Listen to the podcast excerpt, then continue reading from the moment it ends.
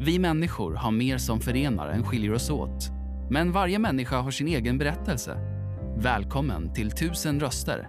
En podcast producerad av Hela Människan. Kyrkornas gemensamma sociala arbete.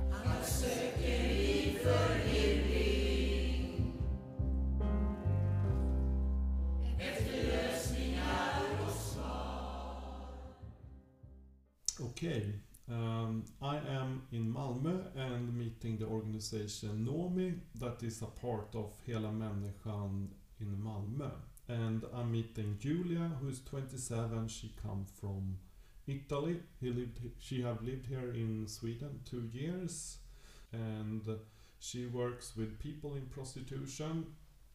Hi Julia, how are you? Hi, Daniel. Thanks for having me today. Yeah, very pleased to have you Thanks. The same for me. Yeah, to listen to your uh, work. So, can you just describe uh, shortly for those who don't understand what uh, what you are doing here in Malmö? Sure. NOMI is an NGO based in Malmo. Um, it was founded in 2015 and uh, it keeps growing and expanding. We are very proud of the, of the organization, how the things are going. And um, so, as we said, uh, we support and help people in prostitution and also victims of human trafficking for sexual purposes. We also have a shelter where victims of human trafficking that are applying for, for asylum, for example, can stay, uh, sometimes also with their kids. And uh, we do a bunch of different things. We do legal advice, we do social kind of work, we do outreach, uh, both online and on the street. So I can say that it's uh, an, a never ending work and it's never boring. Every week is different from the previous one. And um, we really try to support uh, the people we meet. And every time is a different uh, need because sometimes they just, for example, need practical support like condoms or maybe uh, booking a, medical appointment to be checked for STDs.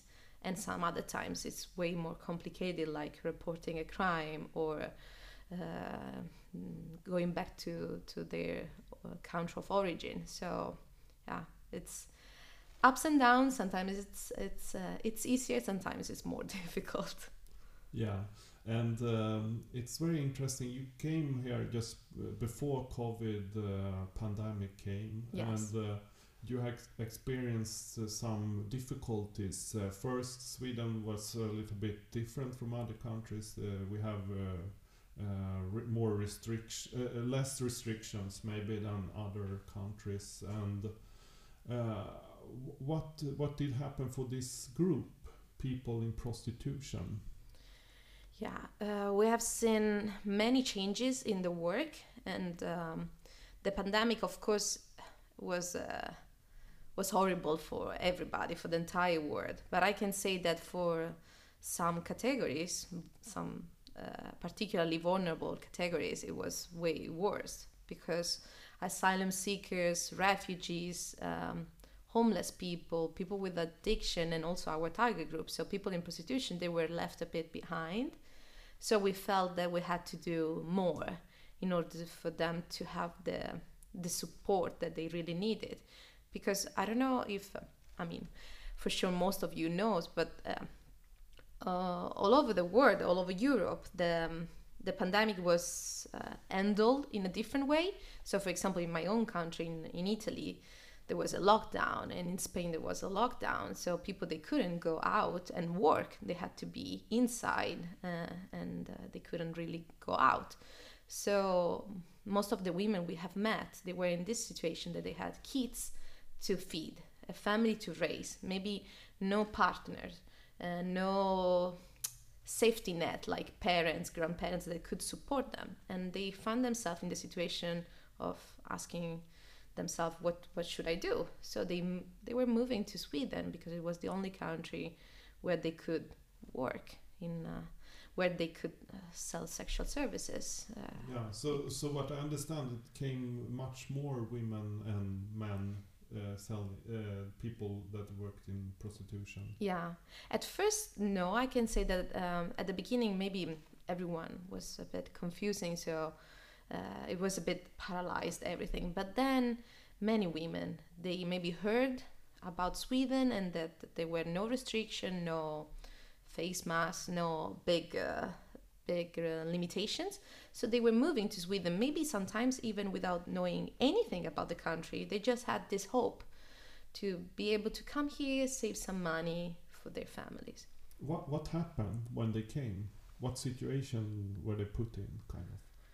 Yeah, well, we know that especially in this part of, of Sweden, in the south, uh, in the southest part of Sweden, there's a strong network that uh, that is working especially with uh, people from Latin America.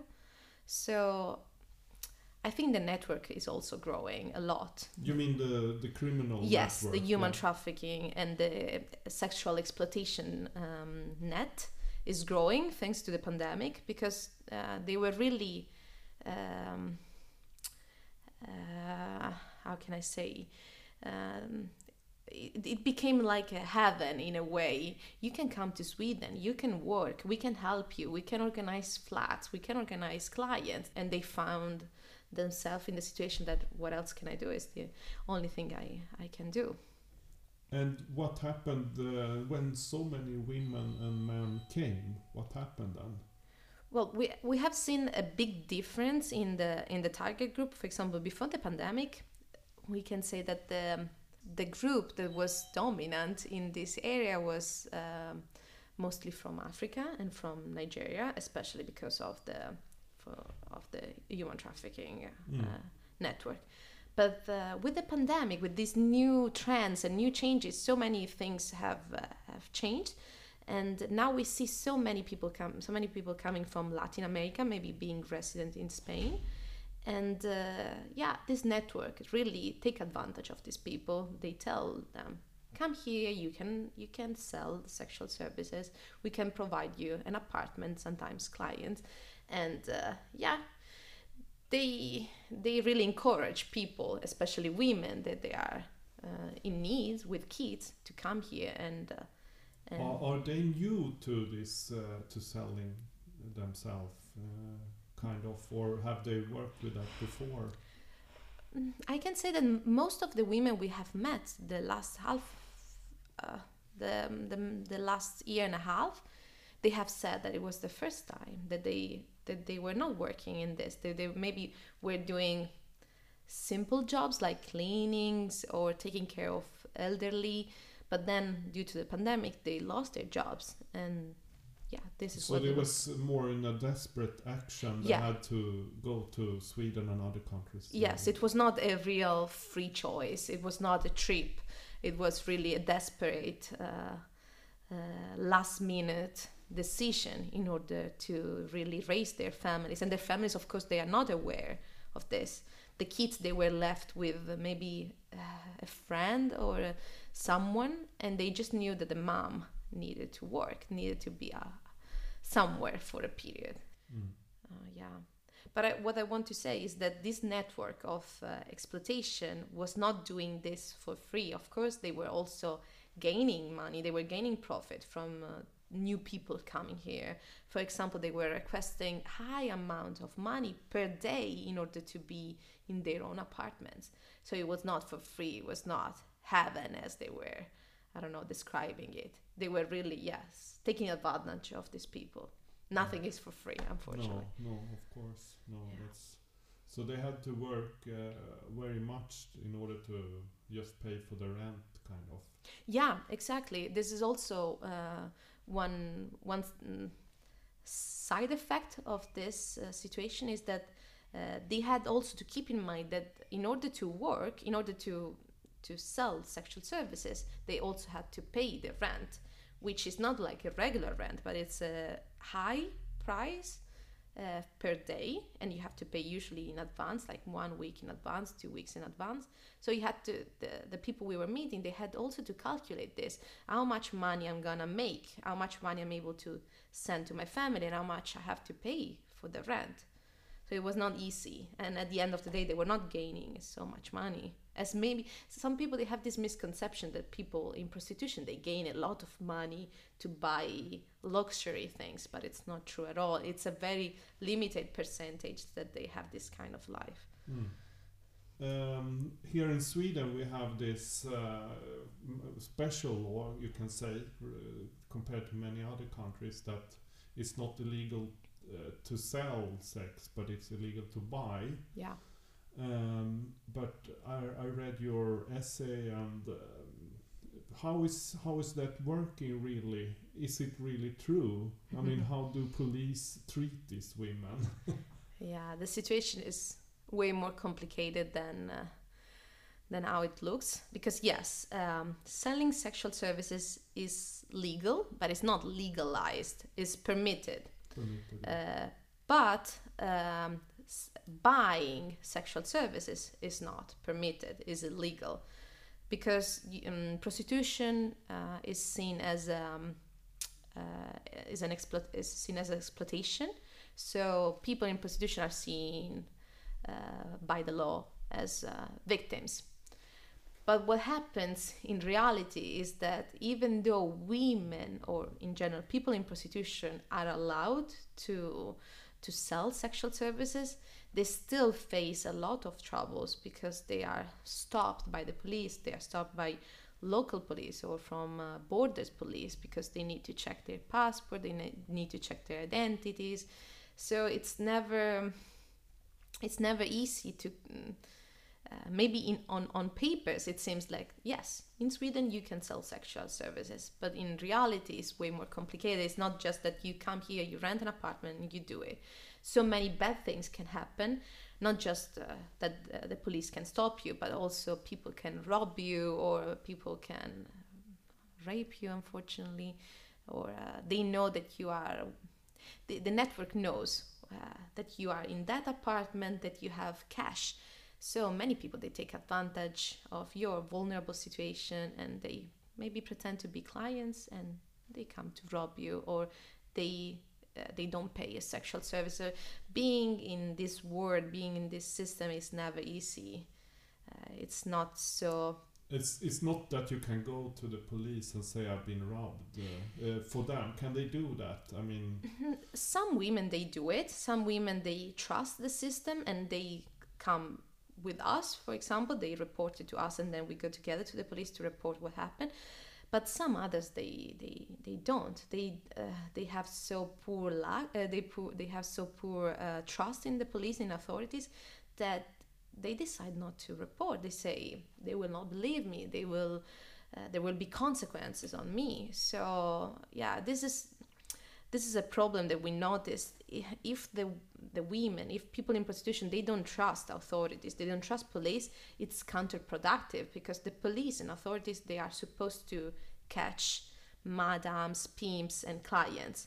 So in order to do this efficiently, they need to have a good relationship with the people in prostitution and to really make them feel safe and uh, and that they can report anything but this connection it needs to be improved yes i can imagine and uh, we really tried what nomi tries to do is to be a bridge between the, the target group uh, people in prostitution and um, the authorities. In this way, they can communicate well because sometimes the police cannot easily understand the people in prostitution and and, and the other way around. So yeah. yeah. And it's also confusing for them because if they see that uh, if they see that the buyers and the madams and the pimps are not stopped, but the only people that they are stopped, it's them, the, the, the, people who sell, then they feel like they are a bit tricked because uh, maybe I didn't explain it well, but um, in Sweden, um, for example, one difference with Italy is that in Italy the prostitution is happening in the streets, so it's outdoor most mm. of the time. In Sweden is uh, is different, so it's mostly indoor, and the people in prostitution they advertise their their sexual services on on on, on the internet. There's a very famous page where people they pay in order to put their advertisements and then they they describe their services what the police do is to use the advertisement in order to pretend to be a client and then to get inside the apartment. I understand that it's probably the only method for the, for the police, so I'm not judging. But what I'm saying is that you, yes, do this methods, use this method, but just do it in order to really catch the clients, to really enforce the law that is uh, that is in this country. Don't just confuse these women uh, and yeah, because then they are they ask us, so it's not legal what I'm doing. Should I leave? Should I? They, it's just so confusing for very, them. very confusing. Must be hard. But what uh, if you you have worked with this uh, a time now? What do you think can? Um, I mean, s some say this is the oldest occupation. People in prostitution. I don't know if it's right, but uh, some people say that. But how can you um, maybe not stop it, but at least uh, reduce it? this uh, that people come in this vulnerable situation. Yeah, when when um, when Nomi wrote the first the the first pages about their future work, about the description of the uh, of the work they were gonna carry out, they said exactly this. They say most of people they say that prostitution is the oldest occupation, but for us it's just the oldest uh, and the first exploitation. So we do not see. Uh, s- Mm. prostitution as a, as a work. We don't see sex sex sex workers as as workers because we really see them as uh, vulnerable people and and victims of uh, of a sexual exploitation of a of a network that are really gaining money from them. So th- that's only my opinion, of course. But what I think is that in order to to uh, make the target group feel more safe, they really need to uh, authorities and police. They really need to be there for them. So to speak with them to see if uh, what they are doing, like selling sexual services, is it the only chance you have? Do you have other um, alternatives that we can think about it? Can we support you in other ways? There are some programs, for example, from the um, from IOM, which is office from the United Nations. They have a very good program program that is called Return, a Safe Return and Reintegration. It's quite limited. It's only six months, but it's a, it's a way to start and to have an alternative because some women they really want to do something else. They don't want to be in this uh, in this world. They want to have a better job. They want to have even humble jobs. They they don't uh, aim to have uh, uh, the highest. Uh, uh, and the most paid job. They are very humble. They just want them and their kids to feel okay and to be protected. So I, I think authorities they really need to sit down with the target group and to check if there are alternatives, and they need to work on stopping the request, the demand, and not the, the offer. Mm. Yeah, it's very, very. I think you're right there. We have talked mostly about uh, women, people, uh, people uh, in prostitution that are women. But how about men and boys? Are they different there in some way?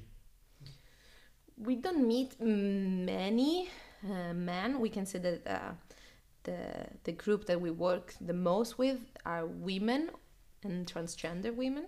But of course, this prostitution, human trafficking, is a sector that affects everybody, men, women, and also the youngest. So we are also in uh, in contact with uh, young boys or uh, young men Mhm. that they have been trafficked. So it's also hard for for all the genders. Yeah, Yeah. of course, of course. What I can say is not much about men, but I can say about transgender women. We have met many transgender women, and they they are the most vulnerable because I we have met several, and they really say, "I want to have another job, but no one takes me seriously." As soon as they find out that I'm a transgender woman, they they just reject my application. So I think the transgender women they even suffer uh, more discriminations because of uh, yeah of being a transgender woman so it's very hard for them to have a more normal life or to find find an alternative or another job because uh, they have also told us that they feel like they are more targeted from the criminals and from controls so i can say that yes uh, when it comes to transgender women they have experienced very some of them they have experienced traumatic situations mm. If you could say something to to the political uh, here in Malmö and Sweden to uh, something to to make a better situation for people in prostitution what would that be at the moment uh, they are uh, they are discussing a law um, about the possibility for the buyers to go in jail if they are catched. So some organizations they say no, jail is too much. Some others they say no, it's uh, jail is what is needed. My opinion is that from what we have seen so far, when a buyer is catched, nothing really happens. It's just a, a fine and you can even choose for example to receive this fine in another address in this way your your wife or your mother will never know. I think this is not enough. If you really want to stop the demand if you want to stop the request of sexual services you have to be harder. Is jail the right way? It's not me that i have to say what's the what's the best way but it seems that this this simple fine is not working well. No probably not but there are so many different opinions about the subject mm. about the about this matter there are so many feminists that they say sex work is work and some others still that they consider themselves feminist as me uh, we don't think is uh, we think uh, prostitution is really uh, affecting you not just physically but also mentally and the statistics they say it clearly the the, the category that is most vulnerable the most exposed to rape is is uh, people that are in prostitution so it's so uh, unbelievable so someone who is selling sexual services is the person who is most exposed to rape so it's it's clear mm-hmm. that yes legalizing it maybe is not the solution. We need to have alternatives for these women because sometimes they really need social services to they need, they need that support. Social service they need to step in and to help the woman and the family because it's not all it's not only her. She has kids to raise. So it's um it's all on, on on her shoulders. She really needs to take care everything because there's no partner there's no uh, other solution. So i think social services they need really to work on every single case because every case is unique and to support this woman this way she can have a better future uh, and alternatives because selling sexual services is not uh, a long lasting solution in any case. Sooner or later you will need to have a, a retirement a pension you need to pay taxes. So uh, it's important that these women they have alternative maybe to to uh, to educate themselves to find a, a uh, yeah to go back to school. And it's never too late. Or to find a better job position or to open a small business. These women they have they are flowers. They really need just water for them to bloom and to flourish. Mm. you have met many women. Can you shortly describe like a very uh, some positive um, uh, history with one woman or man that you met? Well, uh, this morning I spoke with uh, with a woman, so I think I'm gonna uh, tell a bit about her. She's a she's a, a very positive uh, example, and uh, yeah, we met this woman uh, in very bad in a very bad situation because she was. Um, she was stopped by there were several things happened at the same time she was very unlucky because she has been stopped by the police. She was very afraid, and at the same time, just a few days after, uh, she has been robbed uh, with a knife, and this also traumatized her. And then, just uh, a couple of weeks after, a man refused to pay the sexual service that she she has done, and she, yeah, so many bad things happen at the same time. So she was she was full. She was she was saying, "Ah, "I'm, I'm done. This uh, this word is too much for me. I don't want to do it. I don't want to do it anymore. Sweden is very dangerous." And sh we met this woman. She was really in need, and uh, yeah, we tried to support her with anything we, we, we could do. And we spoke to her about this IOM project, this this program. In this way, she could come back to her own country and to be with her kids and to start over, to have. Uh, an education or to find a job she could really just just name it and we will try to work on it. And uh, yeah she has decided to sign in this program. And she recently told us that she had some situation that she had to solve with the apartment and one of her kids was still in Latin America because she didn't have enough money to to have the visa and everything. And she informed us now the program is is over. It lasts 6 months it lasts 6 months. She informed us that she she's okay. And that now her kids are all with her and that she's she's still looking for a better job but she has no problem with the bank. She has a good apartment and she really is looking for uh, what life is gonna give her uh, uh, better chances. So i think we don't always have good stories to tell but this one this story is good and uh, it's it's a good example to to rem- to remind us that there are always alternatives. There are always and not just with sexual service. In any case, maybe we feel that we're trapped in some situations, but it's uh, it's never too late. It's never nothing is ever too complicated to to be resolved. You just need sometimes to just to ask for help. Mm. Yeah. And that's so good that Nomi are here to do this help, and you, Julia, are doing a great work to, together with your colleagues. Thank you. Very encouraging to hear your story about this, and also a bit sad because it's not that it should be. But uh, the first thing is to um, see it, and then you can do something about it. That we have done today. And uh, I thank you very much for uh, this very important talk we had. Thank you. You, I want to thank you for having me, for giving me the possibility to speak about uh, Nomi's work and to speak about uh, this uh, this situation because it's under the light. You just need to see to see it and to recognize it, but it's really happening around us. Yeah. Thank you very much. No, thank you. Tack för att du lyssnat. Intervjun gjordes av Daniel Ryderholm och musiken framfördes av Gatans röster. För att hitta fler avsnitt och ta reda på hur du kan engagera dig besök helamänniskan.se volontar.